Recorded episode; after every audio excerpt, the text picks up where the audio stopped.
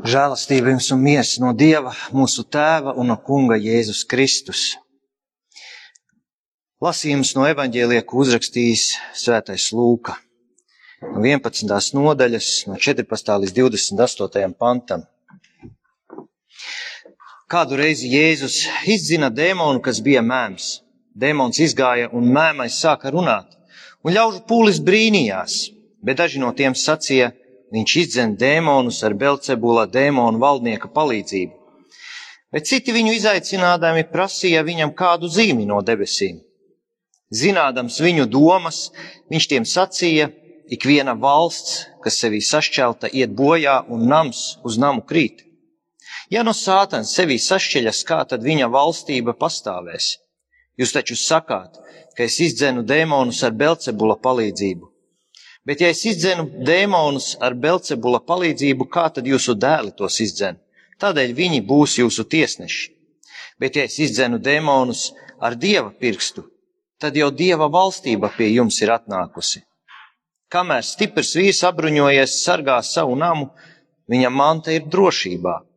Bet tiklīdz kāds stiprāks par viņu nāk un to uzveic, tas atņem viņa bruņas, uz kurām viņš bija paļāvies, un laupījumu izdala. Kas nav ar mani, tas ir pret mani, un kas ar mani nesavāc, tas izkaisa.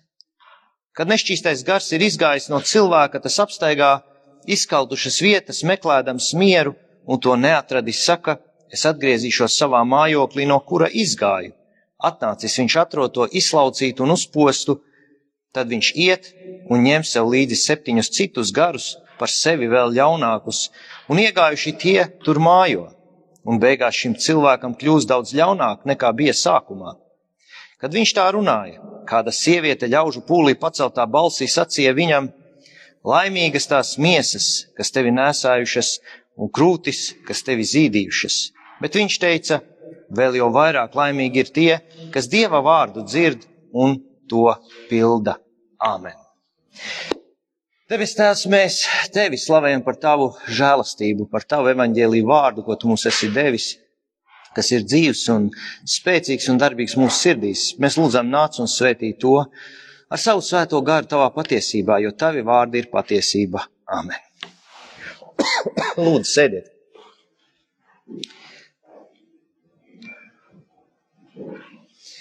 Bībelē, jaunā derībā, bieži vien mēs dzirdam šādu vārdu valstība, kungs, ķēniņš.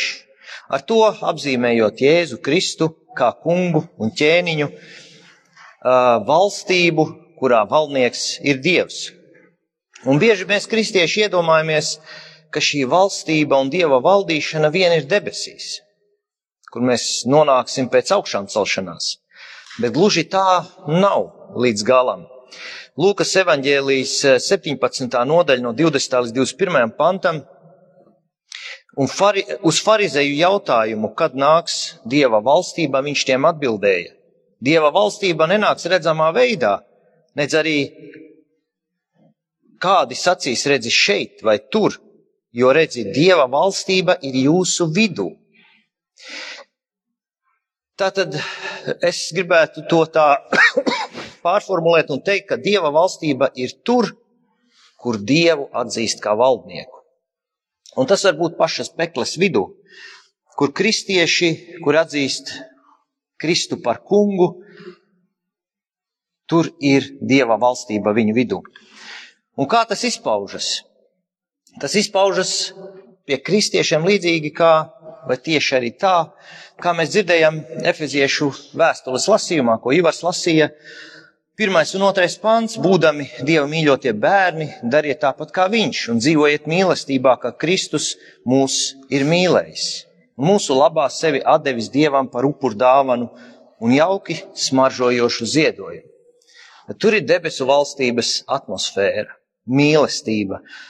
Un, ja mēs domājam, ko nozīmē turēt Jēzu par kungu un atdot sevi par upur dāvanu, mēs vispār mums jāsāk domāt par to, ko nozīmē vārds kungs. Kungs ir tas, kuram ir vara noteikt lietas. Kungs ir tas, ja tas ir mūsu kungs, mēs viņam klausām. Kungs ir tas, kuram mēs pakļaujamies. Bet Jēzus ir tāds kungs, zem kura valdīšanas mēs ejam ar prieku un gavilēm un baudām to. Jo parasti šis vārds kungs mums um, bieži vien asociējās ne ar tām labākām izjūtām. Ir varbūt, ja mēs tā domājam, kādas uh, attīstītas valstis un cilvēki raujās uz tām, uh, kādi mazatīstītu valstu, valstu pilsoņi grib tur dzīvot un strādāt, jo tur viss ir sakārtots, tur ir attīstīta medicīnas sistēma un, un sociālā pabalstu sistēma un tie ar prieku piekrīt pakļaut sevi zem šīs valsts likumiem. Evanģēlīja lasījumā, ko mēs dzirdējām, Jēzus, kam nodota ir visa vara debesīs un virs zemes, viņš nāk uz šīs grēcīgās pasaules. Šajā pasaulē valda naidīgs spēks, dieva pretinieks, sātans ar saviem dēmoniem, kuri ir no dieva atkrituši. Un Šeit ir uz šīs pasaules cilvēki, kas radīti pēc dieva tēla un līdzības, bet atkrituši, krituši grēkā. Un Jēzus nāk uz šīs pasaules aiz lielās mīlestības uz cilvēku, lai to glābtu. Jēzus nāk pie dieva izredzētās tautas. Un viņš satiek kādu cilvēku, kuru moka dēmons, kurš ir mēms. Un šis mēmais dēmons padara arī šo cilvēku mēmu. Šis dēmons, kā arī citi dēmoni, paverdzina cilvēku, iemājot cilvēkā, lai to mocītu. Un kādēļ tad dēmoni moka cilvēkus? Kādēļ tiem to vajag? Un viens iemesls ir tas, ka cilvēks nes dieva tēlu un līdzību. Un dēmoni ir dieva pretinieki un dievu neieredz. Līdz ar to ne, neieredz arī cilvēku, kas nes dieva tēlu un līdzību. Un vēl vairāk kristīgu cilvēku. Un Jēzus iežēlojas to redzot un atbrīvo šo cilvēku no mēmā dēmona, un šis cilvēks sāk runāt. Un ļaudis brīnās, tie nezina, ko domāt, vai kāds ir iespējams kaut kas tāds. Bieži negadās redzēt. um, bet šie dēmoni nebija vien šajā, šajā mēmajā cilvēkā. Dēmoni ir arī tajos cilvēkos, kuri spēja parunāt. Šie dēmoni šos cilvēkus kūda, stāsta dažādus melus viņu, viņu galvās par Jēzu, par to, kā tad Jēzus spēja vispār šādus brīnumus darīt, kāda tad ir viņa motivācija, vai tā ir pilnīgi tīra. Citi vēlas, lai Jēzus viņus sāk izklaidēt un rāda zīmes no debesīm, un tur notiek garīga cīņa šo cilvēku sirdīs. Un kādi pakļauj šo, šim, šim dēmonu spiedieniem un meliem, un kādi ne. un tāpēc Jēzus sāk skaidrot tiem, kas šeit patiesībā notiek. Mēs varam secināt, ka šie cilvēki nesaprot paši, ko tie saka, teikdami, ka Jēzus izdzen ļaunos garus ar Belcebula palīdzību. Jo tajā valstībā, ko organizē Sātans, Jēzus atklāja, ka tur jau nav šķelšanās. Sātans pats ar sevi nekaro. Tur nav grupējums, kas ir atdalījies un karo pret savējiem, jo šādi darot, tad uh, Sātans pats savu valstību arī iznīcinās. Tātad tas, ko šie cilvēki apgalvo, ir neloģiski un atliek vien, nu, cits variants neatliek, kā Jēzus izdzen dēmonus ar Dieva spēku jo cilvēkiem tādas varas nav.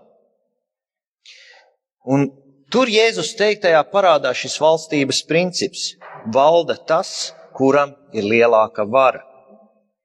Sātans ir pakļāvis šo pasauli, jo ir stiprāks par cilvēku. Bet tad, kad nāk Jēzus, Jēzus viņam visu to atņem. Un cilvēkam atgriež brīvību. Un atgriež tādu brīvību, kur arī esot brīvībā, cilvēkam ir spēja pateikt nē. Tad tā ir īsta brīvība. Brīvību atteikties būt Jēzus valstībā. Un Jēzus par to saka, kas nav ar mani, tas ir pret mani, un kas ar mani nesavāc, tas izkaisa. Un šeit neutralitāte nav iespējama. Ja cilvēks noraida Jēzu, tad tas nonāk atpakaļ sātanu un demonu valdīšanā. Un cilvēks, kurš um, tērē, nu, mums ir resursi, mums ir nolikts mūsu mūžs. Ja cilvēks tērē savu dzīves resursu kādam mērķim, bez Jēzus, tas visu pazaudē, jo viņš nonāk demonu verdzībā, kur beidzoties šai dzīvē tam būs jāatbild par saviem darbiem. Tas, kurš dzīvo ar Jēzu, tas sakrāja. Tas nozīmē, ka viss, ko šāds cilvēks dara savā dzīvē, tas, tas viņam viss nāk par labu, tas viss nāk par svētību. Par svētību. Un jocīgi pat ir teikt to, ka pat ja cilvēks, kurš dzīvo ar Jēzu, sagrēko, pat, pat to Dievs viņam vērš par labu. Un nepārprotiet mani, es ne, nesaku, ka grēkot ir labi. Bet es saku to pašu, ko Pāvils saka, ka kur grēks, tur vairoja žēlastība. Bet ko tad? Vai tad, vai tad lai grēkojam? Jo tā nav mūsu daba grēkot vairs. Domājot par Dievu taisno tiesu, ar Jēzu mēs jau tagad esam taisnoti. Jo visi mūsu grēki Jēzu Kristu ir piedoti. Dieva tiesā mūsu sliktie darbi un mūsu grēki tiek Kristus piedoti, jo viņš par tiem samaksāja ar savu krusta nāvi.